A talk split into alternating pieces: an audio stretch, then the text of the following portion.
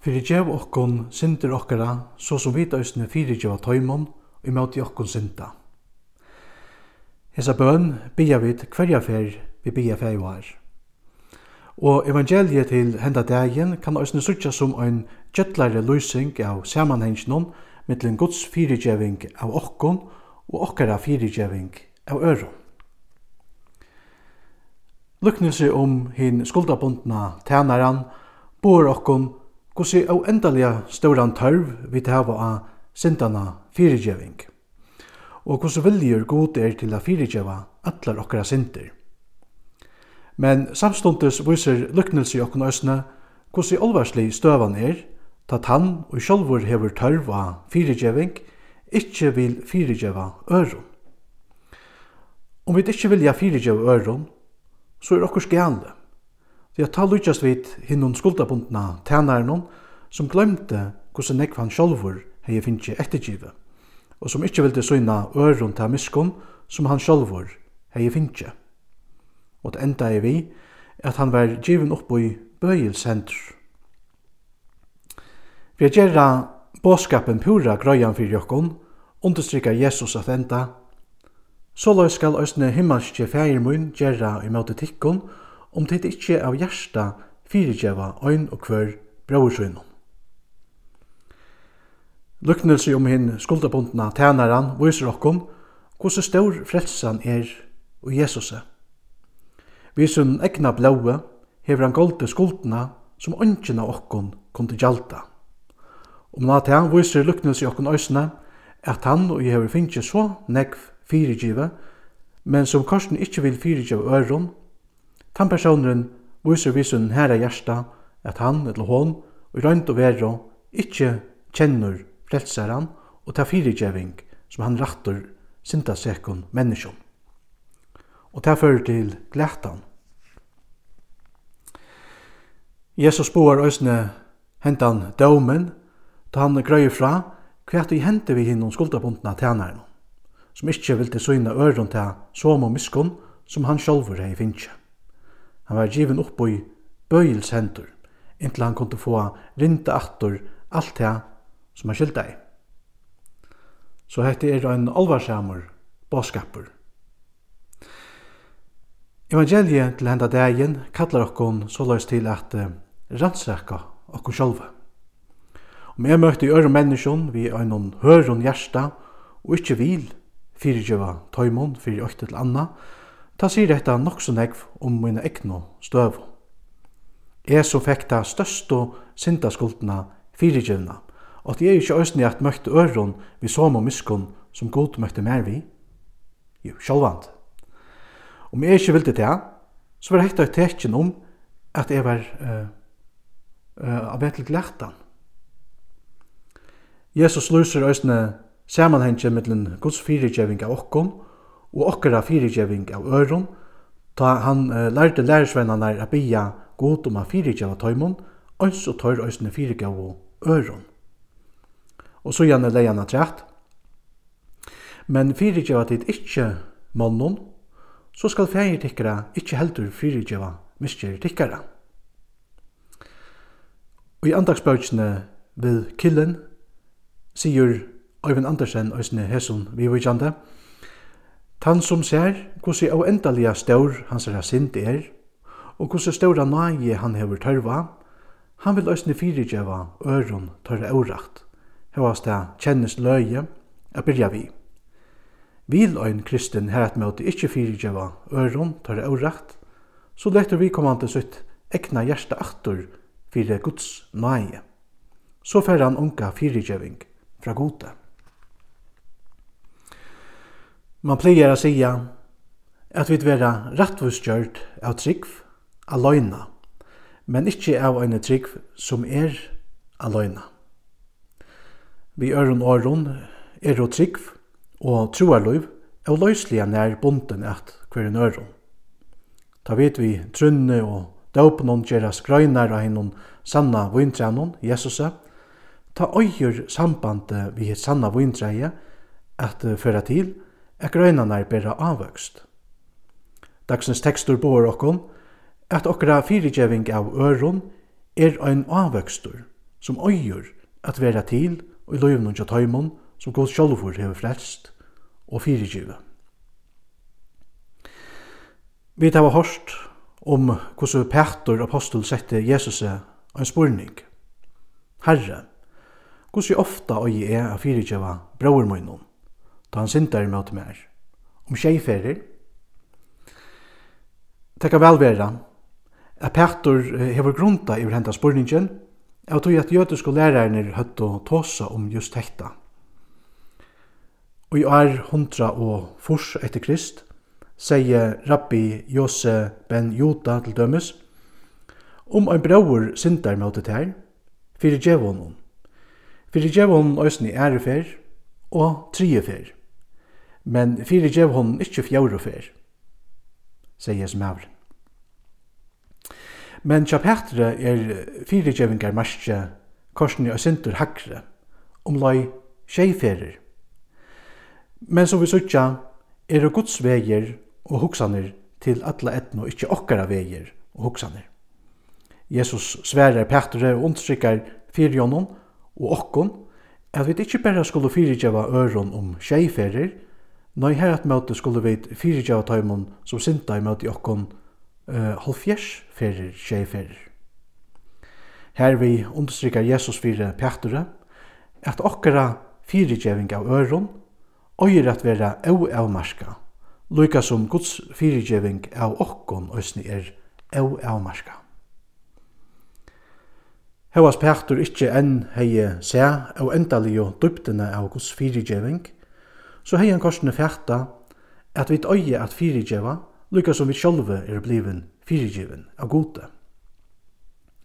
Arjen vi rista høver av Petre og hans er spurninge, så kunne vi kanskje østene lykka sette okkon sjolvun hentan spurninge. Høttu vit mekna at fyrirgive omkron av hjersta fyrir som og um at okkon skeiferir, kanska, kanska ikkje. Men i fyrir Petre, lærusveinunum og okkon leggur Jesus korsene denta at okkara fyrirgeving av ørum øyr at vera lukka som Guds fyrirgeving, nemlig au avmarska.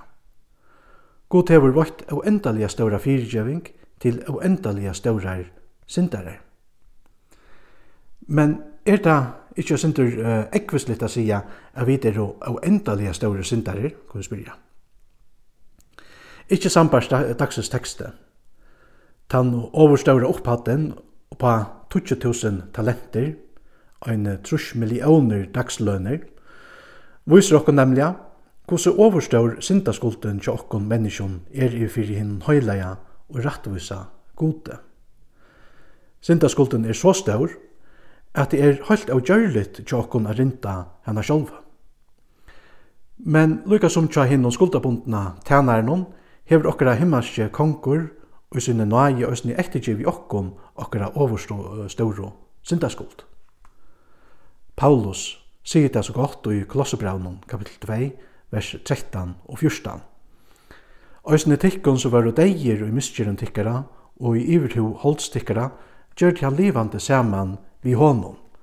Vi tar at han fyrirgav okkon allar miskjerer okkara og strika i utskuldabrave som kom okkon vi og var skriva vi båren ta som var okkom imot.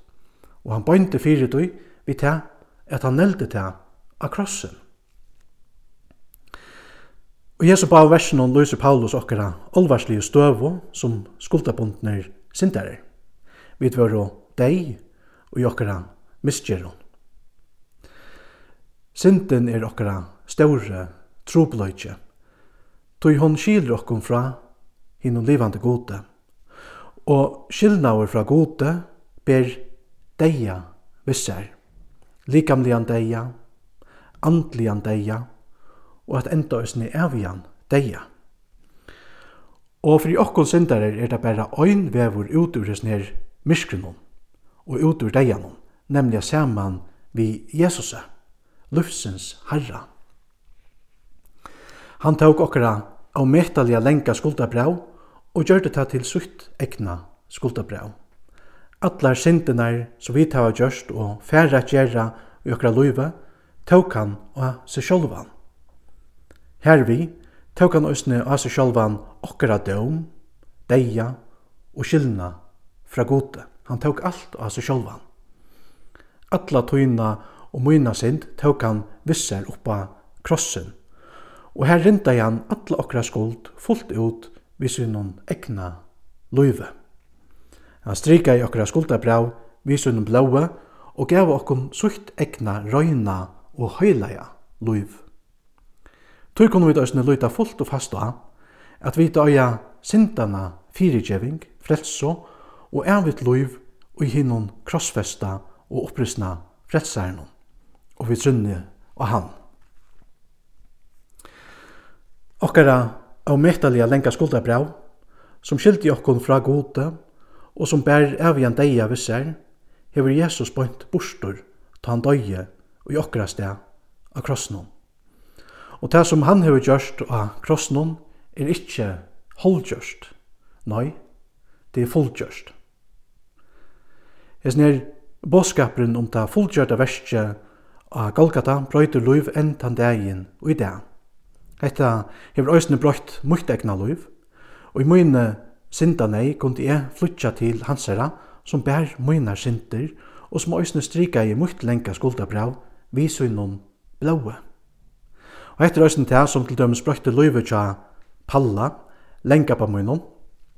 Og her hugsa eg um at lesa lítið brott ur Blanon Kjeralde, nummer 18 fra 2018.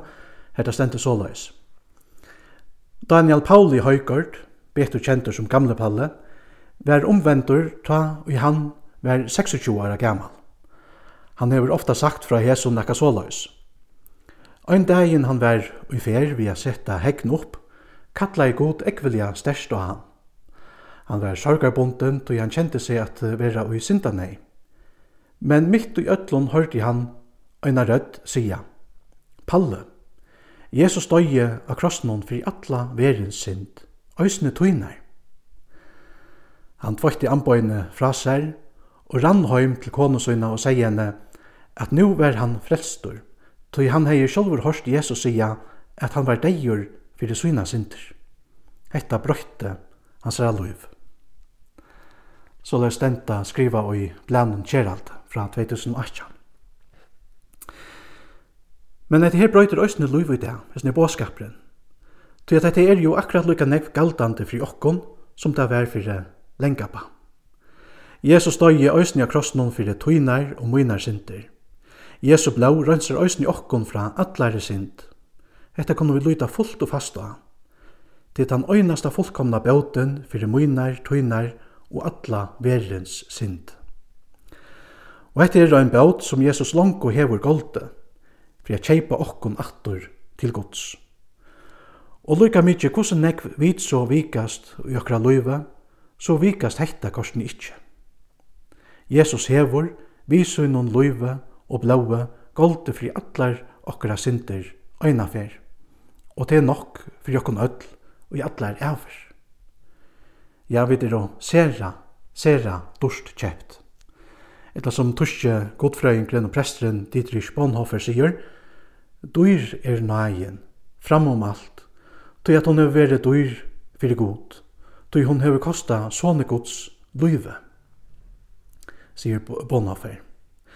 Vi som var og deg i okra miskjeron, heva av gods ståre næge finnje løyv og frelso vi trunne av Jesus. Men kostnaveren fyrir okra løyv og frelso var Jesu egna løyv. Hette røsten til som vi er røpt fyrir hitt sæla bøyte. Jesus tók okkara synd og deia og av seg sjálvan, og vi finko hans herra rattvise og avja loiv. Og vi trunja han kom vi døysne takk under vi tog, som stendur skriva og i oppenberingsne.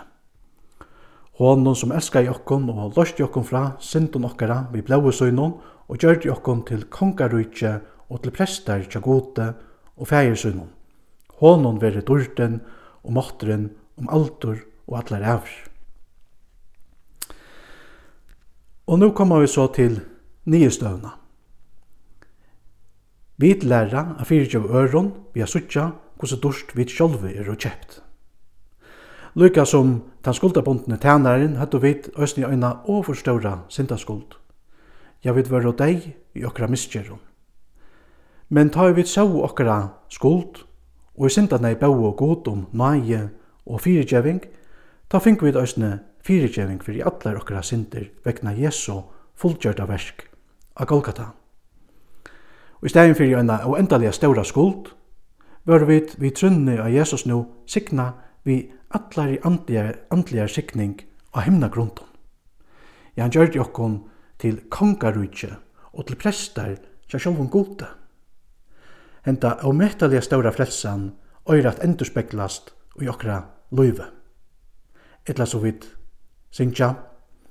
Mykje ondur, mykje glede, Herren fyrir djevur mer. Jesus mun, a kvarjon deie, øye er a takka ter. Og ta vær så størst og kjeip, ta to tømte deians steip. Røynor måtte luive lehta, sindarun til lufs og bæta. Hjelp meg, Jesus, jeg vil streva, halvdje ante kraft mer ber. Halt og fullt at fyrigjeva kvarjon som her ilt meg gjer. Hetta er tann bønnen som verir til og jøsnum fra Guds nage og fyrigjeving. Ta vi sutja en negv, vi ta finnje fyrigjeve, ta oia vi øyne a suttja a vi øya fyrigjeva øron, lukka som god tevor fyrigjeve okkon atlar okkara synder.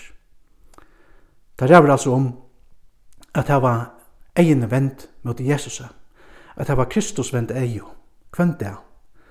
Dagliga suttja Jesus og krossnum, dagliga minnast at han hekk her og i mun sted, at han tók atla muna sind, allan mun døm og deia av seg sjálvan, så at eg kunne få sintana fyrirgjøving og evigt liv i hans herre svar. Etta som Jesaja sier, men han var særdur var av sinta vekna, og sundur bråten var av miskjera vekna, okkun til friar kom refsingen nira han, og av saren hans fink vi et hølsebøt. Det vi er suttja hekta, at vi lærer av vise øron, ta som og nøye og miskun, så vi sjolvi har finnje fra gode vi trunne av Jesus. Vi Kristus vendon eion lærer vi nemlig at suttja okra nasta og til retta jøsnum, så er at vi ikke kunne gjøre nekka anna enn a fyrirgjeva honom av hjersta øns og god av hjertet øsne, hever fyrirgive okkom. Amen.